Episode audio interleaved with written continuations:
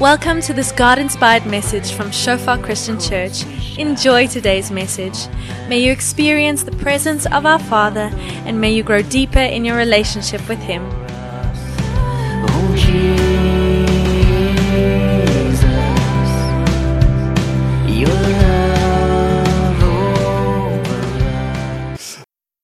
regtig lekker om hier te wees en vandag gaan ons 'n bietjie aan met ons geestelike reeks waarmee ons die laaste ruk besig is. Ehm um, ek het al 'n bietjie terugvoer gehoor en ek ek hoor die mense geniet dit regtig baie en geniet dit ehm um, bietjie om meer van die geestelike kant op te te hoor, te leer en te verstaan. En soos wat ons in die begin ook gesê het, wanneer ook al ons by iets anders uitkom as wat Jesus klaar gesê het, dan sit ons die pot 10 teen 1 bietjie mis. En soos ons nou die eerste keer ook gesê het, maar net 'n bietjie ingekleer rondom hierdie oorspronklike oorspronklike rebel en hoe God se soewereiniteit saam met dit als werk. Renier het lekker gepraat oor oor gebed. Weerens iets eenvoudigs, is nie 'n vreemde ding wat ons geroep is om te doen nie. En naam oor bekering en vergifnis. Goed wat God klaar vir ons gesê het om te kom doen. Ek het wel 'n paar navrae gehoor oor een eh, stelling wat hom net gemaak het wat ek net vir julle wil gerusstel. Hy wat sê hy en ek stem nie saam oor 'n sekere deel van die skrif nie. Dit gaan oor die samestelling van die mens gehoor party mense was bietjie omgekrap daaroor, maar net om dit julle te verduidelik wat dit is. Daar's 3 maniere waarin mense glo in die samestelling van die mens. Een is die humanist view, die ateïstiese view wat sê daar is geen gees of siel of 'n deel van die mens wat aanbly na die dood nie. So hulle sê mens is een deel. Jy's liggaam. Jou emosies, jou wil en al daai goedjies, maar chemiese reaksies in jou brein en allerlei dingetjies wat gebeur, maar ons is een deel. Dan kry jy die Christelike, wel ek's ook seker daar's mense wat glo daar's baie meer as 3, maar hulle is op hulle eie. Maar dan as dit kom by die Christelike manier van hoe ons die Bybel aanskou en wat ons uit die Bybel uit leer, is daar twee verskillende views op hierdie. Die een is dichotomy. Mens is twee dele. Jy's 'n liggaam en jou siel en jou gees is een deel. Dis 'n enkele kamer in 'n huis en dit het twee vensters.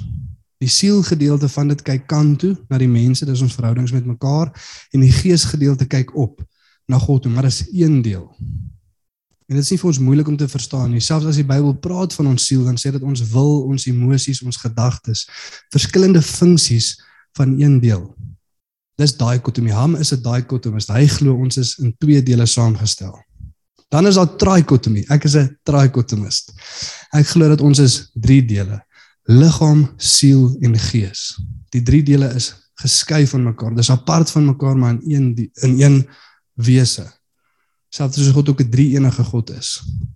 En net om vir julle te sê dit is ook om so te so te glo die beste Bybel skolars van die wêreld en eenheid oor dit nie. Party is dichotomist, party is trichotomist. Werner wat hierso pastoor was voor my, hy was ook 'n dichotomist. Ek is 'n trichotomist. Dis oukei okay om te verskil oor dit.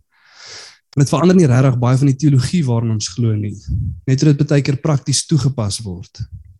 Ek kan wel sê die hoof van ons Bybelskool, Henny, Hy is ook 'n trichotomist. Die slimste ou. Ek obviously my nie stem stem stem saam die slimste, dis wat ek wil sê. Hy stem ook saam my. En maar wat ek sal sê rondom dit is dit is moeiliker vir die dichotomist om oppression, geestelike onderdrukking te verduidelik. Dis makliker vir die trichotomist. Want as ons sê siel en liggaam is een deel en die Heilige Gees het besit gevat van daai een deel, hoe is dit dan dat onderdrukking plaasvind. En veral onderdrukking wat manifesteer dat iets anders as die Heilige Gees dan daai area oorvat. Dit maak nie lekker sin nie. Maar as jy in trikotomie glo, is dit maklik om te dink dat die Gees het besit van die Gees en is dan in die siel waar onderdrukking plaasvind en ook hoekom sekere goeters dan manifesteer. Maar dit klink nou reg want ek het nou die mic maar as dit daai kotomis die mic het en hy vertel bietjie van sy kant af dan klink dit ook reg. Maar nou minder oor dit, kom ons kom by vandag se preek, so laat ek net vir ons bid en dan spring ons in.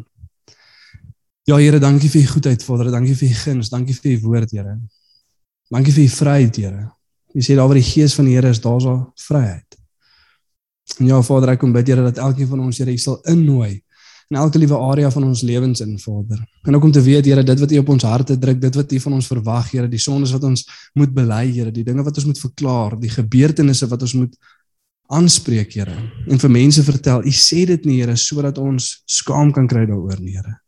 U sê dit nie om ons te verneder en vir ander om te weet nou hoe sondig ons is nie, maar U wil hê ons moet vry wees, Here. 'n Goeie Vader wat sy kinders roep na vryheid. En mag ons dit verstaan volgens Here. Dankie vir u goedheid, dankie Jesus vir alles wat u kom doen het. Alles in die hemel en op aarde kom verenig onder u Here, sodat ons u kan ken en in nuwe lewe kan stap. En dankie Heilige Gees dat u hier is en geestelike waarhede openbaar aan die wat geestelik is. In Jesus naam. Amen. So ons preektitel vir oggend is die evangelie en die gode van die nasies. Yes, jy het reg gehoor. Die evangelie en die gode van die nasies. Snaaks maar ons sal nou verduidelik wat presies daar aangaan en hoekom dit so gebeur. En as ek vir ons nou vanoggend 'n vraag moet vra net om 'n ander deel van die storie bietjie in te kleer want baie keer as ons kyk na die sonde wat in die wêreld is, die die nasies wat in chaos is en dit wat als gebeur in die wêreld en ons vra 'n Christen, hoekom is dit so? Wat het gebeur? Wat is die oorsprong? Wat is die oorsaak? Dan sal ons sê Genesis 3. Sonde het in die wêreld ingekom. Daar was 'n rebellie gewees geestelik, maar ook in die mense en hulle was geskei van God en sonde het in die wêreld ingekom. Dit is ons modern day Christian explanation van wat aangaan in die wêreld. Maar as jy 'n Jood gevra het wat in die Ou Testament gelewe het en ook in die Nuwe Testament gelewe het, wat is dit wat aangaan in die nasies? Soos Psalm 2 sal sê, hoekom is die nasies in oproer? Wat gaan aan? Wat is wat is fout hierso? Wat is fout met die wêreld? Dan sal hulle vir jou drie antwoorde gegee het van wat fout is met die nasies. Die een is Genesis 3, sonde en dood wat in die wêreld inkom en mense wat nou onderhewe is aan die dood en aan sonde. Geester geestelike rebellie wat plaasgevind het. Maar hulle sal ook vir jou verduidelik van Genesis 6 wat ons ook die eerste keer van gekyk het. Hierdie seuns van God wat met die vrouens van die mens kom trou en hierdie nageslagte hê wat ons dan weer van lees in Numeri. As hulle die beloofde land wil inkom, hierdie groot ouens wat hierso in die land is, maar dan sal hulle ook vir jou verduidelik van haar ander rebellie wat gebeur het en ons vandag bietjie daarna kyk. En ek wil ook vir julle sê dat um, dit mag dalk die een wees wat bietjie die moeilikste is om om te verstaan, die moeilikste is om te begryp, die moeilikste is om van sin te maak. Maar kou lekker daardeur, stuur vir my voice note, kom chat met my na die tyd, maar moenie as jy 'n vraag het dit net los nie. Vra vra. Dis goed om vrae te vra oor die teks, goed om vrae te vra oor die skrif. Maar weer eens, as dit nie belyn met wat die skrif sê regdeur nie, ignoreer dit. Moenie dit glo nie. En weer eens as dit iets anders se konklusie het as wat Jesus kom doen het of wat ons geroep is om te doen, ignoreer dit. Dan maak dit nie sin nie. Dit moet vir ons duidelik wees en 'n ding wat ek hoop vir oggend vir ons uitstaan is die belangrikheid om die evangelie te gaan verkondig aan die nasies. Maar wie hierso het al die vraag gevra of gewonder, waar kom ander wêreldgelowe vandaan? Waar kom dit vandaan? Waar het ontstaan? Hoe dit gebeur? Al die idee van daar's 'n berg en daar's klomp paaie wat by die berg oploop, maar ons kom almal tog op dieselfde berg se punt uit. Daar's seker sieninge. Alle gelowe lei tog na dieselfde God toe. Nie so nie. Jy kan dit dalk glo as jy deel van die ander gelowe is, maar nie Christendom nie. Jesus sê niemand kom na die Vader toe behalwe deur my nie. Dit is eksklusief. Daar's geen ander pad nie. Die ander is 'n leuen. Dis nie die waarheid nie. Dit kan nie so gebeur nie. En ons verstaan dat waarheid per definisie is eksklusief. As ek vir jou sê ek's enige plek anders in hierdie wêreld op hierdie tyd en oomblik waar ek nou is, dan lieg ek. Hoekom? Want ek is hier en ek kan net hier wees. Waarheid is eksklusief. So waar kom hierdie idees vandaan? Jy weet baie keer dan dink ons daar's net 'n klomp valse idees wat in die nasies aangaan, maar skrif sê vir ons daarso is 'n entiteit agter daai valse idee wat graag wil hê Hulle moet dit glo. So kom ons lees 'n bietjie saam en kyk wat ons hier kan lees. Ons gaan kyk na Psalm 82 vers 1 tot 8. Maar ek sal dit vir ons twee keer lees want dit is nogal vreemd. God staan in die vergadering van die gode. In die teenwoordigheid van die gode lewer hy uitspraak. Hoe lank gaan julle nog onregverdig beslissings vel? Nog partydig wees vir die goddelose? Julle moet reg laat geskied aan die mense in nood en aan die weeskind. 'n Regverdige uitspraak vir die hulpelose en die behoeftige lewer. Julle moet die mense in nood en die arme bevry. Hulle uit die mag van die goddelose red. Hulle weet nie en verstaan nie. Hulle loop rond in duisternis. Al die fondamente van die aarde wankel. Ek self het gesê, julle is gode en julle is almal seuns van die Allerhoogste. Nogtans sal julle sterwe soos mense En soos een van die vorste sal julle val. Staan op o God, oordeel die aarde, want U het besit reg oor al die nasies of neem besit van al die nasies. Wie van julle is half wat gaan hier aan? Wat gaan hier aan? Is dit dalk 'n vreemde vertaling wat ek hier beet het? Of wat is besig om hier te gebeur? En ek sal dit vir, vir ons weer lees. Studie 83 vertaling, die nuwe lewende vertaling vir die Afrikaners. Dit sê hemelse wesens. God staan in die vergadering van die hemelse wesens. En vir die hemelse wesens lewer hy oordeel. Die Engelse vertalings almal behalwe die NASB se 95 vertaling en se 77 vertaling sê almal gode. Behalwe die New Living Translation dit sê heavenly beings. Maar elke liewe ander vertaling, elke liewe Engelse vertaling, selfs die nuwe 2020 New American Standard Bible se vertaling wat voorheen gesê het rulers, sê ook gods.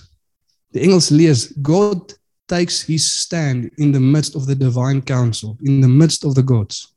He holds judgment. Dis nie vertalingsfout nie, dis regtig wat hierdie stuk skrif sê. Moenie kom kommer nie, ek gaan nou vir julle verduidelik wat hier aangaan. Maar kom ek lees dit net vir ons weer. So hierdie gode sien ons het besitreg oor die nasies en hulle is besig om onregverdig en ongeregtig oor die nasies te heers. Dit sê God staan in die vergadering van die gode. In die teenwoordigheid van die gode lewer hy uitspraak. Hoe lank gaan julle nog onregverdig beslissings vel? Nog partydig wees vir die goddelose? Julle moet reg laat geskied aan die mense in nood en aan die weeskind. Regverdige uitspraak vir die hulpelose en die behoeftige gelewer. Julle moet die mense in nood, die arme bevry. Uit die mag van die goddelose red.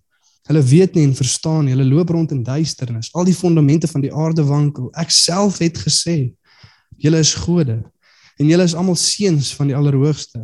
Nogtans sal julle sterf soos mense en soos een van die vorste sal julle val. Staan op o God, oordeel die aarde, want U besit reg oor al die nasies. Jy sien, God is nie besig om 'n 'n klomp idees of 'n klomp vals idees aan te spreek nie. Dis baie duidelik dat God regte entiteit, regte wesens besig is om te adresseer. En vir ons as die moderne Christen vertaal die 83 vertaling en die nuwe lewende vertaling dit nogal mooi. Dit maak vir ons meer sin. Hemelse wesens. Hemelse wesens wat heers oor die nasies en God is besig om uitspraak te lewer oor hulle. Jy sien maar die probleem kom in vir die moderne Christen, vir iemand wat hierdie kant van Jesus se opstanding lewe.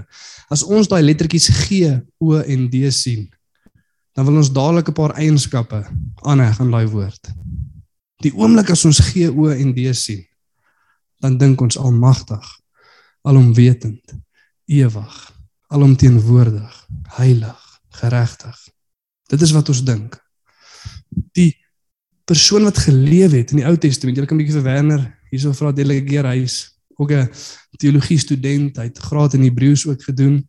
So jy kan 'n bietjie met hom gaan gesels. As jy praat van die Ou Testamentiese Jood of ewen die Jood wat geleef het in Jesus se tyd, of na die eh, die tweede tempel gebou was. Die oomblik as hulle hierdie woordjie G O N D sien, maar hulle sou dan Engels gelees het, maar vir hulle is dit vertaal Elohim. Die oomblik as hulle hierdie sien wat in ons taal vertaal word as God, dan dink hulle net aan 'n geestelike wese.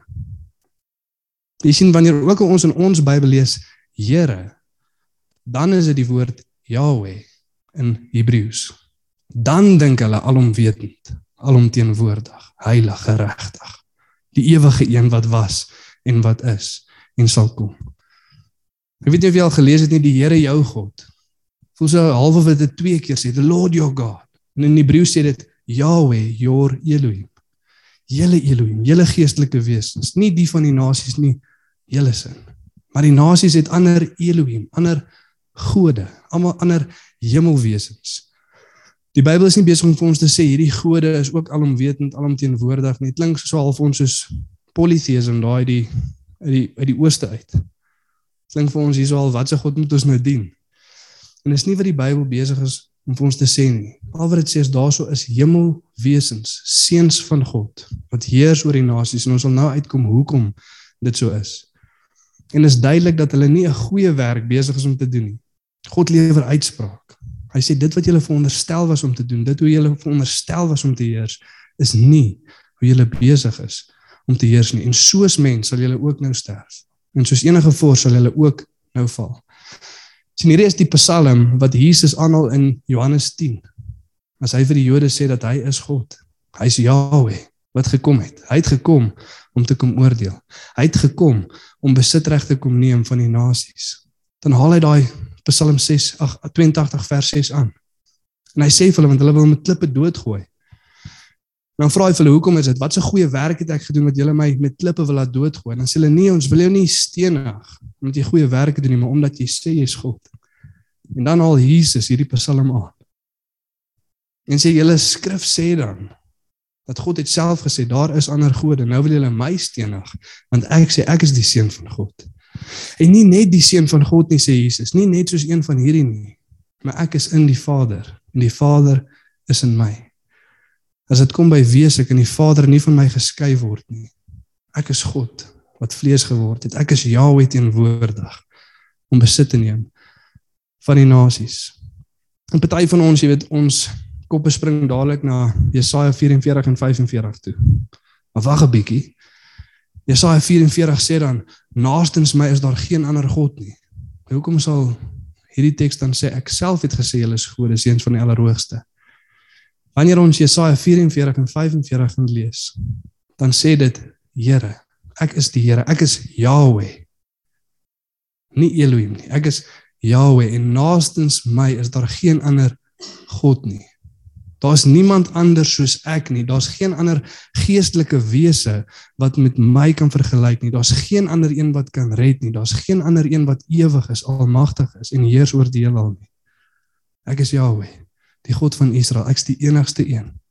En in daai selfde stuk van Jesaja 44 dan sê dit bring 'n ander een wat kan sê wat gaan gebeur en kyk of dit geskied. Ek is die enigste een wat met soewereiniteit heers oor die nasies. So hierso sien ons hierso sien die seuns van God, hierdie ander gode, hierdie ander hemelse wesens wat heers oor die nasies. En dan sê dit neem besit oor al die nasies. En weer eens in hierdie eenvoudige stuk skrif wat vir ons ook baie confusing partykeer is as wat daardeur lees, is daar 'n geneiging om die geestelike weer uit dit uit te interpreteer. Ek het nou nog die eerste keer toe ek ook hier oor gelees het, dus ek ook soos van, "Nee, wat gaan nou hier aan?" Gou af in die kommentary kyk bietjie wat sê die ouens. Hulle sê daar is mense wat sê dit is die seuns van God, maar dit dit sal makliker wees. Sê die ouens wat die commentary skryf. Dit sal makliker wees om net te sê dat God is besig om te praat met die regerders van Israel. Die hoofde van die stamme en die families. Hy's besig om met hulle te praat. Maar dit is problematies want in Psalm 98 praat dit weer van die divine council en die ding is in die lig. En soos die een Hebreëse skrywer ook sê hy het nog nooit 'n klomp Joodse ouens in die lig gesien vergadering hou nie. Praat nie van hulle nie. En ook die probleem met dit is as ons sê dat dit was net selfs mense van Israel wat geheers het oor die nasie Israel, dan eerstens, hoekom is die wêreld se nasies hier genoem? Dit maak nie sin nie. Tweedens, as dit mense is, sou hulle klaar soos mens sterf. Men as ek nou 'n straf kry en sê jy gaan nou soos 'n mens sterf, dan gaan ek nie weer soos ag, Jesus. Frik dit. Nie dink ek ek sou ewig lewe. Ons gaan maar nogtans sal julle sterwe soos mense. Nou ons anders stukke skrif wat julle ook aan gelees, Jesaja 42, ag 24 21 wat dit duidelik maak ook praat van hierdie fondasies van die aarde wat geskit word en God wat gaan kom uitspraak lewer oor die nasies. En dan maak dit duidelik, ek gaan die magte in die hemel daarbo straf en ook die konings op die aarde hieronder. Jy kan dit nie van mekaar skei nie. Dit is wat dit sê dit is. En die skrywer wil hê dat God moet opstaan en besit neem oor die nasies. En ek weet nie wie van julle as ons hierso lees en veral daai laaste vers vers 8 neem besit oor die nasies. U het besit reg oor die nasies. Of dit 'n klokkie lyn nie. Ons lees in Matteus 4 vers 8 tot 9. Dan lees ons die volgende. Die duiwel wat Jesus konfronteer in die wildernis. Dan sê dit: "Weer neem die duiwel hom saam na 'n baie hoë berg en wys hom al die koninkryke van die wêreld en hulle heerlikheid. En sê vir hom: Al hierdie dinge sal ek aan u gee as jy neerval en my aanbid." 'n Stuk skrif wat vir ons baie bekend is. En Jesus sê te hom: "Nee, The Lord your God alone you will worship. Jy sal die Here jou God alleen dien. Hy alleen is waardig om geloof en geprys te word. Ek gaan nie wat ek kom doen het op jou manier doen nie. Maar ek gaan gehoorsaam wees in die wil van God. Ek gaan die nasies terugvat. Maar op my eie manier. Nie deur om na jou toe te buig nie. sien ons lees dieselfde in Psalm 2 vers 8 en 10. Ons lees duidelik in die Nuwe Testament dat die demone en die bose geeste het geweet wie Jesus was. Wie is die seun van God het hy gekom om ons te tuister voor ons tyd want hulle het geweet volgens Psalm 82 hulle oordeel gaan kom. So hulle het geweet wie hy is, hulle het ook geweet wat hy gaan kom doen, maar hulle het nie geweet hoe nie. Psalm 2 vers 8 tot 10 weer eens 'n stuk skrif wat wys na Jesus toe. In vers 2 dan sê dit hoekom het die konings van die aarde saamgespan en die heersers van die aarde saamgebeplan. Weerens twee verskillendes, die konings van die aarde en die heersers van die aarde saamgebeplan teen die Here en sy gesalfdes Jesus. Maar lees ons hier in Psalm 2 vers 8 tot 10: Vra my en ek gee vir jou die nasies as erfporsie, die einde van die aarde as jou besitting. Met 'n eysterstaf sal jy hulle stukken slaan, soos 'n kleipot hulle verpletter. Wees nou verstandig o konings, wees gewaarsku regerders van die aarde. Sien hier is dieselfde Psalm wat Paulus aanhaal in Handelinge 13 as hy die evangelie gaan verkondig aan die heidene nasies. En dan sê dit die heidene het hulle self verbly. Hulle was vreeslik bly. Die Jode was bietjie jaloers. Want hulle was nog altyd die volk van God. Maar nou word ander nasies deel. En dan sê dit ons in Handelinge 13 soveel soos wat bestem was vir die ewige lewe het geglo. Hulle het hulle self verbly. God is besig om die nasies terug te bring na homself toe. En hy waarsku die reageerders hierso van die aarde, hierdie bose magte, hierdie seuns wat in ongeregtigheid heers oor die nasie, maar die antwoord wat ons vir onsself wil gee en weer eens hierso as as God sê, vra vir my en ek gee vir jou die nasie as erfpos, dan is dit iets wat hy nog moet ontvang. En die vraag wat ons vir onsself moet vra is maar hoe het hulle dit gekry? En weer eens as ons terugverwys na Matteus 4 toe, die meer tradisionele verstaan wat ons het van die stuk skrif sê ons nie maar die rede hoekom die duiwel beheer het van die nasie soos Jesus self sê in die boek van Johannes hy is die regerder van hierdie wêreld. He's the ruler of this world. 2 Korintiërs 4:4 Paulus sê hy is die god van hierdie wêreld. In Johannes 5:19 die hele wêreld lê in die mag van die bose een. Is nie 'n vreemde konsep nie. Maar hoekom hy dit het want hulle sê nie Adam en Eva het gesondig en toe het hulle dit vir hom gegee Adam en Eva moes nog eers besit neem van die nasies Hulle was net in Eden. Jesus het vir hulle gesê: "Vermeerder en vul die aarde, neem besit oor dit." Hulle het nie. Hulle het nog nie. Dit was weer vir hulle gesê na die vloed. Maar ons sal nou daarby kom, so hoe het hulle die nasies gekry? God het dit vir hulle gegee. Maar voordat hulle gerebelleer het, sien ons 'n vreemde storie in die Bybel wat ons almal goed ken, maar ons weet nie altyd lekker hoekom is hy daar, wat spesifiek is nou besig om hier te gebeur nie. Genesis 11 4 tot 9. Die toring van Babel. Wat sê die volgende? Toe sê hulle, dis nou die mense. Kom ons bou vir ons 'n stad met 'n toring waarvan die punt tot in die hemele reik en ons maak vir ons 'n naam. Dan sal ons nie oor die hele aarde versprei nie. Die Here het afgekom om te kyk na die stad en die toring wat die mense vir hulle gebou het. Weerens hier is mense op sy beste weer besig om te rebelleer teen God. God het in Genesis 1:28 vir Adam en Eva gesê: "Vul die aarde, vermenigvuldig, heers oor dit, neem dit in besit." Hulle toe gesondig weer eens na die vloed sê God vir Noag in Genesis 9: "Vul die aarde, wees vrugbaar, vermenigvuldig, versprei oor die aarde, neem besit van dit." Dieselfde opdrag En 'n rukkie na Noag se lewe en hierso sy nageslagte en wat is hulle besig om te doen? Ons wil nie versprei nie. Ons wil 'n hoë toring bou. Ons wil nie soontoe gaan nie, ons wil soontoe gaan. Tipies mens, sodat ons nie oor die aarde versprei nie. Hy ouens, ons weet as wat God gesê het, maar kom ons. Wees slimmer as dit. En kom ons bou 'n hoë toring wat se punt strek tot in die hemele. En dan ironies genoeg sê die skrywer vir ons, God moes afkom om te kom kyk na die stad. Die toring het toe nou nie in die hemele beland nie. Hulle kon dit nie lekker regkry nie. Maar dan gaan die storie aan. Dan sê dit in vers 7 tot 9 die volgende: Kom laat ons, dis God wat besig is om te praat. Kom laat ons afgaan en verwarring bring in hulle taal sodat die een nie die ander verstaan nie.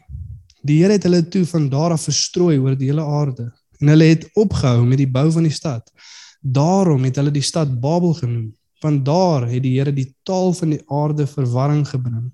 En van daar af het hy die mense oor die hele aarde verstrooi. Hiersoos van God die aarde verstrooi. En hy sê kom laat ons afgaan. En as hy sê kom laat ons, dan praat hy van hierdie divine council.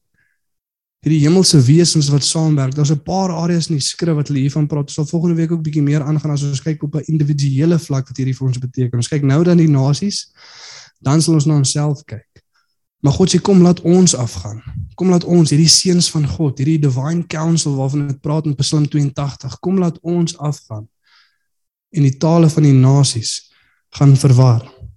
En in hoofstuk 10 dan lees ons die nasies was 72 in totaal of 70 hangende af wie jy twee van die woorde vertaal. 72 nasies sê dit vir ons in Genesis 10. Dit sê wat gebeur het dan sê Genesis 11 ons hoe dit gebeur het. Selfs soos Genesis 1 en Genesis 2. God het die aarde gevorm en hy die mense gemaak. Vers 2 dan verduidelik hy hoe hy die mense gemaak het. Genesis 10 sê vir ons hoeveel nasies daar was, waartoe hulle gegaan het, wat hulle taal was, waar hulle gaan bly het. En dan sê Genesis 11 ons hoe dit gebeur het. Die Here het gekom en hulle taal kom verwar. En dan in Genesis 12 dan kies God vir Abraham sonder 'n kind. Sodat God hom 'n kind kan gee, 'n nageslag vir homself kan maak, Isak, Abraham, waarvan Israel vandaan kan kom en God sal dan heers oor hulle. En ons lees van dieselfde gebeurtenis in Deuteronomium 32 vers 8 tot 9. Ek gaan dit vir ons lees in die Engels. Ek wil dit lees mooi en ek sal nou vir julle verduidelik net van vertalings. Lees soos volg in die ESV, die English Standard Version. Deuteronomium 32 vers 8 tot 9. When the most high gave to the nations their inheritance, when he divided mankind, wanneer het dit gebeur? Elke studie Bybel, elke internetvertaling sal so 'n klein blokkie daai neer, so jy hom klik en vat hy na Genesis 11:8 toe. Dit is wanneer God die mense verdeel het. When he divided mankind He fixed the borders of the people according to the number of the sons of God. But the Lord's portion is his people, Jacob, his allotted inheritance. Die skrif sê vir ons hy deel die nasies op volgens die nommers van die seuns van God. Nou die Afrikaans vertalings en spesifiek die Ou Testament is nie gebaseer op die Dead Sea Scrolls nie, ook nie op die Septuagint nie. Die Septuagint is die Griekse vertaling van die Ou Testament wat die Jode in Jesus se tyd gebruik het. Die Dead Sea Scrolls is die oudste tekste van die Ou Testament. Dan is daar die Masoretic teks. Ek weet ek praat nou Grieks vir party van julle. Dan is daar die Masoretic teks. Dit is 100 jaar na Jesus uit die dood uit opgestaan het. Dit is waarvan meeste Afrikaanse vertalings hulle vertaling vandaan kry. Maar as jy die Dead Sea Scrolls lees, as jy die Septuagint lees, dan sê dit according to the number of the sons of God. Ja Afrikaanse vertaling gaan lees volgens die nommer van die seuns van Israel. Of volgens die nommer van die kinders van Israel. Bietjie problematies want Israel het nog nie bestaan nie. Israel was nog nie daar nie. So hy kon nie die nasies opdeel volgens die nommer van die seuns van Israel nie. En die nommer van die seuns van Israel was hoeveel? 12. Die nasies is hoeveel? 72 daai vertaling nie, maar weer eens moenie te veel komkommer daaroor nie. Moenie jou vertaling weggooi oor een vers nie. En ons moet ook verstaan, 'n vertaling is nie die geïnspireerde woord van God nie. Die oorspronklike teks is die geïnspireerde woord van God. 'n Vertaling is mense beste poging om daai onfeilbare woord van God oor te dra in die tale van die nasies. En daar kan 'n foutjie hier en daar insluip. As jy vir jou 'n goeie vertaling wil kry, kry jy die ESV. English Standard Version. As jy nog nie weet om Engels te praat nie, leer. Praat net met die Afrikaners. Ek weet dit is nie vir ons lekker om te hoor nie, maar moenie worry nie, jy hoef nie Afrikaanse Bybel weg te gooi nie, want daar's ander dele van skrif wat hierdie selfde idee vir jou sal oordra. Jy sal besef wat in realiteit gebeur, jy sal dalk net nie lekker verstaan hoe spesifiek dit gebeur het nie. Kyk, ons ander stukke skrif wat presies dieselfde vir ons sê Deuteronomium 29 vers 26. Hier is 'n in die Afrikaanse Bybel. En hulle Dit praat nou van Sodom en Gomorra en sê as die nasies verbykom gaan hulle vra, "Hoekom het God hierdie aan 'n land gedoen?" Dan sê dit want hulle het die verbond met Jahwe gebreek en hulle het ander gode gaan dien en hulle daarvoor neergebuig het. Gode wat aan hulle nie bekend was nie en wat hy hulle nie toebedeel het nie. Interessant. Gode wat God nie vir hulle gegee het nie. Hy het dit nie vir hulle toebedeel nie. Dit was nie deel van hulle erfenis nie. En weer eens is die Hebreëse woord die Elohim. Daar's ander hemelse wesens waarvoor hulle hulle self gaan neerbuig het, maar God het dit nie vir hulle gegee nie. Dit was die geestelike wesens vir die ander nasies. Die ander nasie was ook nie veronderstel om hulle te worship nie. Hulle was ook nie veronderstel om voor hulle neer te buig nie. Hulle was ook nie veronderstel om hulle te dien nie. Maar dit was wel aan hulle toegereken en toe het hulle ook gerebelleer. En dit is belangrik vir ons as dit kom by die verkondiging van die evangelie. Want baie keer dink ons daar's so 'n groep mense met 'n verkeerde idee, maar daar is 'n regte entiteit agter daai verkeerde idee. En hy wil gedien word. Soos die duiwel, mens sien ook hy wil gedien word. En dan lees ons in die skrif hy het beheer van die bose magte. Hierdie seuns van God wat ook geval het, beheer deur die duiwel. Dis hoe hy besit het van die nasies. Dit is wat daar gebeur het. Jy sien my vriend Aubrey van julle het hom geken toe hy hier was. Hy was meer in die aanddiens. Maar hy het nou afgetrek daar na Houtbaai toe. Maar hy sê ook hy en sy vrou was een keer, ek kan nie onthou in watter land was hulle nie en daar was twee monks gewees. Ek dink hulle was boeddhists gewees. En die nuus het verkondig hoor hierso gaan 'n snaakse ding gebeur op hierdie spesifieke plek en die twee monks daag ter op. Die een gooi petrol oor die ander en steek hom aan die brand. En hy sit net daar. Hy skree nie. Hy maak nie geluid nie. En hy sterf. En op die ding by homself jy sê maar dit is vreemd. Daar's 'n realiteit agter hierdie verkeerde idee. Want dis onmenslik om net daar te sit terwyl iemand jou in die brand steek. Dis onmenslik ook om iemand aan die brand te steek, net so as jy hulle gewonder het. Dis ook nie cool nie. Maar jy steek die persoon iets in die brand en op die kan sien maar daar's 'n realiteit in wat hierdie ouens glo. Hulle glo iets wat vals is, maar daar's 'n realiteit agter dit. Want daar's 'n entiteit agter dit demoonbesete, die werk van die vyand wat manifesteer. En jy sien hierdie mense glo nie net 'n verkeerde idee nie, hulle glo 'n verkeerde entiteit wat vir baie van hulle so werklik is soos wat God vir ons is. As jy gaan na die Afrika gelowe toe, hoekom gaan hulle na die toordokters toe? Like hulle die woorde wat hy sê nee hulle sien daar is krag daar. Daar's so 'n realiteit. Daar's iets wat beheer vat daar's iets wat oorvat. As jy gaan lees hoe die ander wêreld gelowe ontstaan het die mormons die Jehovah getuies 'n engel van lig wat aan hulle verskyn het op 'n berg. Wat sê Paulus? Al verkondig 'n engel aan julle 'n ander evangelie laat hy vervloek wees want hy kan dit doen. En daar is van hulle en hulle is geval 2 Korintiërs 11 selfs die duiwel vermom homself as 'n engel van die lig en sy werkers as werkers van geregtigheid. 1 Timoteus 4:1 in die laaste dae gaan hulle self oorgee aan leerstellings van demone. Dis nie 'n vreemde konsep nie. Ons sien dit in die skrif. Hierdie entiteite wat geval het, wat vir die nasies gegee was, het ook gerebelleer. Hulle hulle ook in afgodsdienste en van hier af kom al die vals wêreldbeskouings van die nasies, al die vals gelowe. En van hier af word Israel gewaarsku, as julle in die land ingaan wat vir ander mense gegee was, moet nie hulle afgode aanbid nie. Moet nie dat hulle gode julle een kant toe trek nie. Het julle al ooit gewonder hoekom was dit vir hulle so maklik om vir 'n vals idee te gaan neerbuig? Ek meen, kan hulle nie sien daar's krag nie God van Israel nie, hy's werklik. Hy's 'n realiteit wat hulle ek meen, kyk daarso is 'n vuurkolom bo jou. Hallo. Die see het oop gegaan.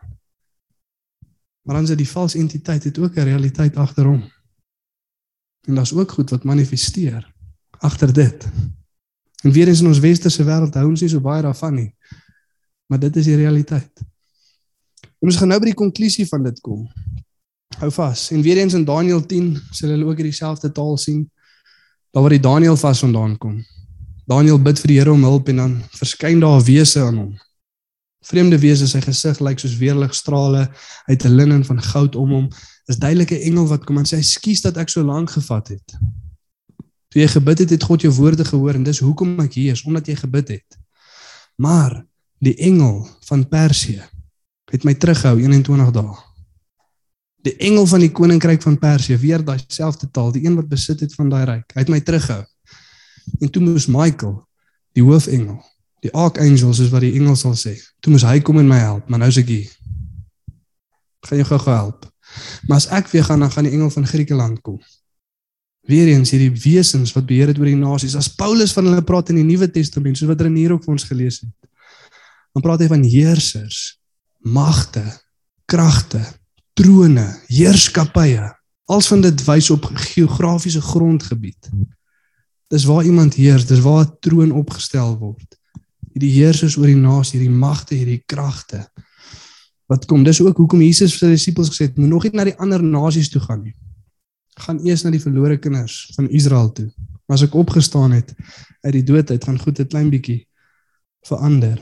En Jesus kom en hy bring al hierdie goeders weer in lyn met die wil van God. Elke liewe rebellie, sonde en dood wat in Genesis 3 ingekom het, die gevalle engele wat die mense besit in Genesis 6, die nasies wat beheer verloor in Genesis 11 deur gevalle seuns van God, elke liewe een van daai areas word volbring in Jesus Christus en hy kom herstel elke liewe een van hulle.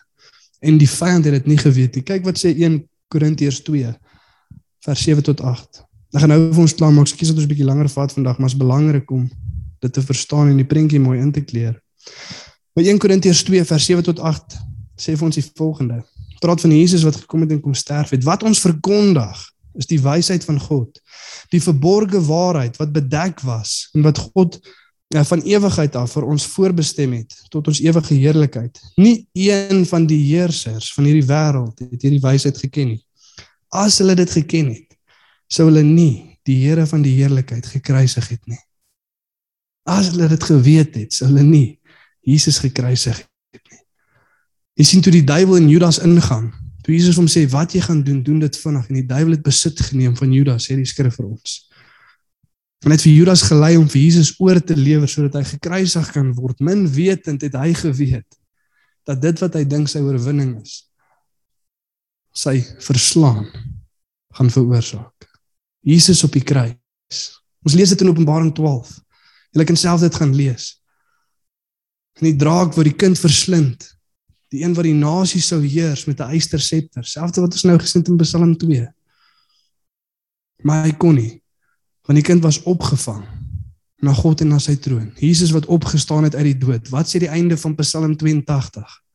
Staan op o God, want U het erfbesit van die nasies. En toe Jesus opstaan, toe neem hy die nasies terug.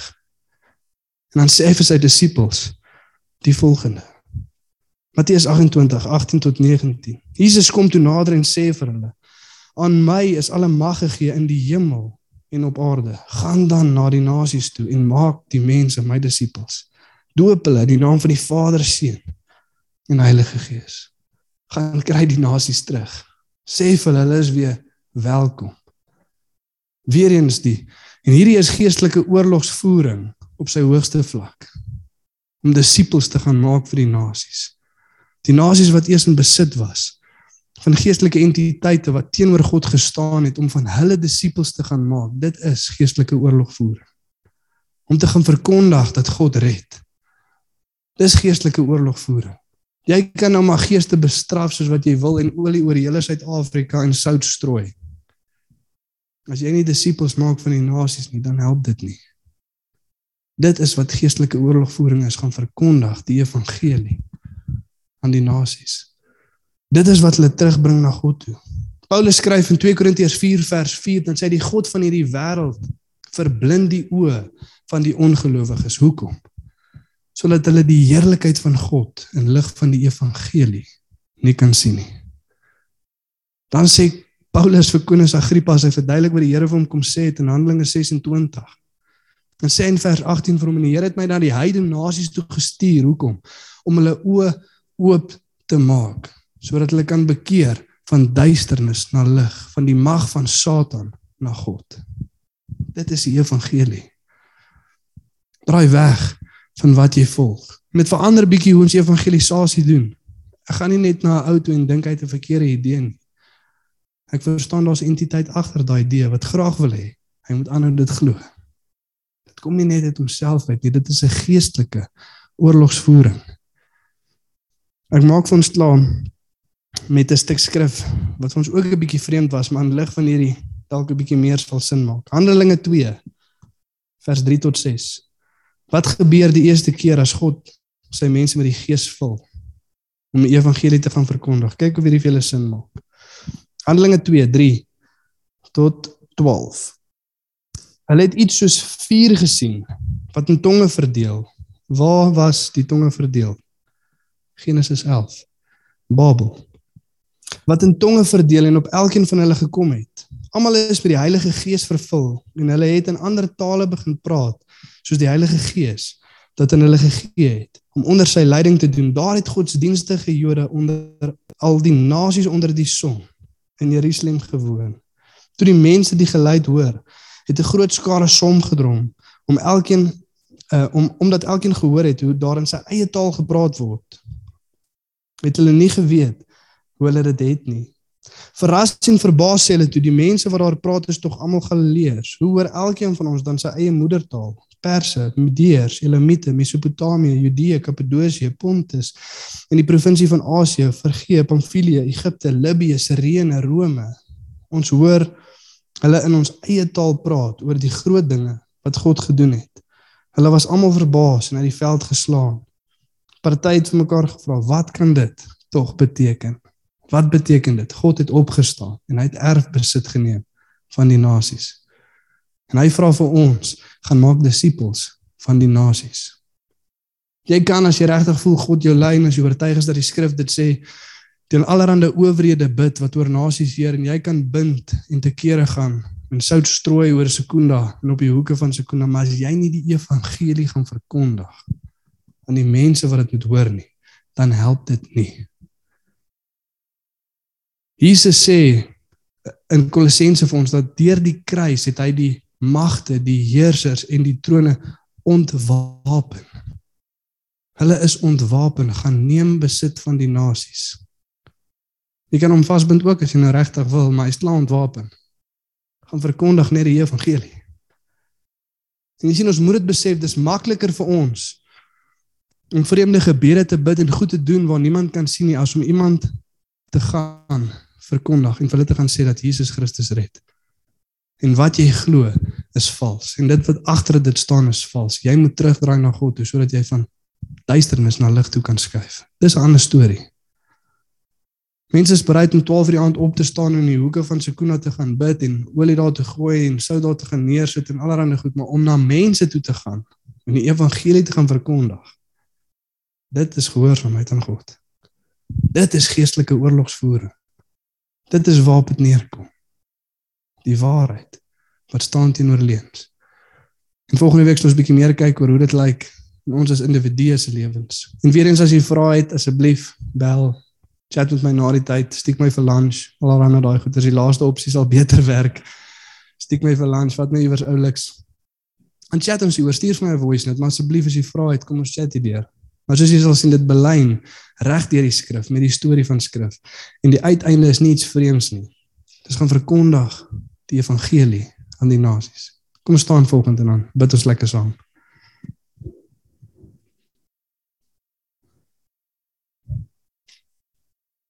Dankie Here vir u goedheid en u grootheid, Here. Dankie Vader, so wat ons ook reg terug Here gelees het in die boek van Petrus, Here. Ons is 'n heilige volk, Here.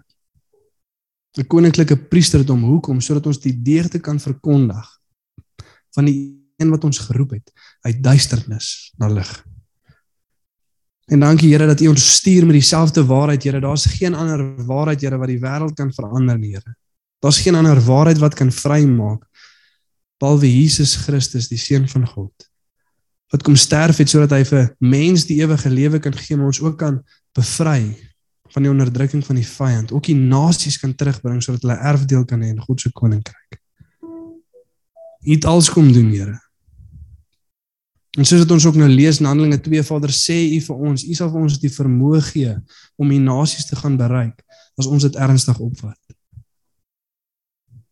En mag ons ook besef Here dat dit is selfsugtig as ons hier sit waar ons sit.